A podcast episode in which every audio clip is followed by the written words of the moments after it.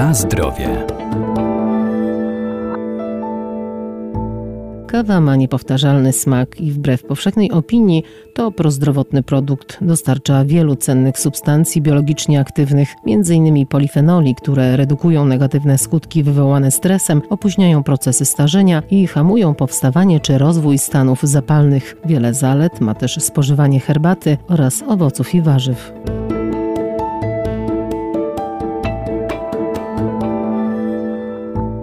Kawa wciąż cieszy się ogromną popularnością i dla wielu osób to zwykły napój, który pobudza do działania, jednak ma ona wiele zalet, w tym obniża stres i zmniejsza ryzyko powstawania chorób cywilizacyjnych. Zawiera też antyoksydanty. Jeśli chodzi o kawę, wiele się zmieniło w ostatnich latach. Przez wiele lat y, wokół kawy krążyły mity, że negatywnie wpływa na niektóre osoby. Na przykład mówiło się o negatywnym wpływie na osoby z chorobami układu krążenia. Profesor Paweł Glib Glibowski, Wydział Nauk Żywności i Biotechnologii Uniwersytetu Przyrodniczego w Lublinie. Tymczasem nowe badania z udziałem naprawdę milionów ludzi, metaanalizy pokazała, że to nie jest wcale takie proste. Oczywiście kawa potrafi podnieść ciśnienie, ale tylko tym osobom, które rzadko piją kawę albo w ogóle jej nie piją. Natomiast jeśli ktoś regularnie od lat spożywa kawę, to właściwie są badania, które pokazują, że w zasadzie nie ma różnicy, jeżeli chodzi o takie osoby w stosunku do tych, którzy nie piją takiej kawy.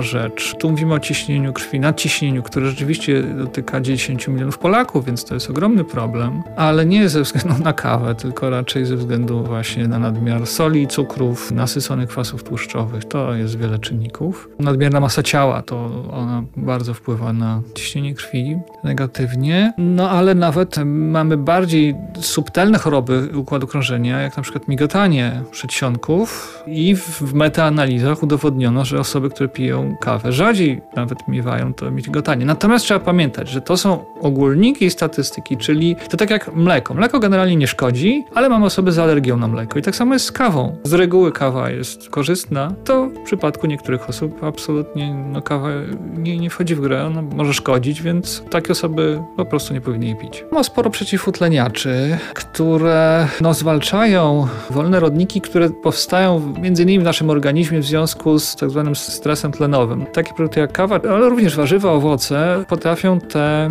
wolne rodniki w pewnym sensie neutralizować i przez to chronić nas przed zmianami szkodliwymi. Tutaj mówimy o procesach zapalnych w naszym organizmie, które leżą u podstaw całej masy chorób, od chorób układu krążenia, zacząwszy, skończywszy nawet na depresji. Więc sięgajmy, jeśli ktoś lubi, może pić po kawę jak najbardziej, ale pamiętajmy także oczywiście o owocach, warzywach, o herbatach.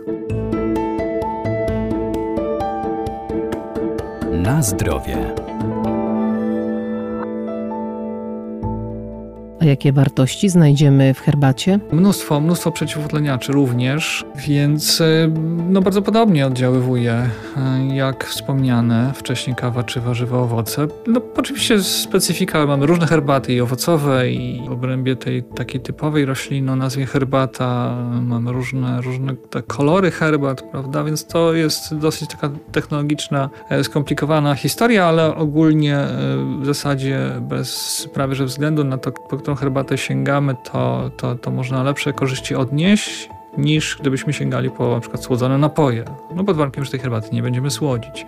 No oczywiście są pewne badania sugerujące, że zielona herbata ma więcej korzyści niż czarna i wiele na to wskazuje, ale to nie jest tak, że czarna zupełnie nie ma wartości. Także jak najbardziej, jeśli ktoś preferuje, potrzebuje, lubi, to, to, to czemu nie? To, co się zaleca, to nie spożywanie herbaty bezpośrednio po posiłku, dlatego że herbata potrafi niestety na różne składniki, które zawiera, wychwytywać, wiązać trwale, e, na przykład niektóre składniki mineralne, które są obecne w tym samym pożywieniu, które wcześniej zjedliśmy. Na przykład mamy dobrze skomponowany obiad, a potem pijemy mocną herbatę. No to nie jest najlepszy pomysł. Jednak dobrze byłoby gdzieś tą herbatą się troszkę wstrzymać od takiego posiłku, bo, bo po prostu część tych składników, która była w tym dobrym posiłku, może zostać związana i nie, nie wchłonąć się.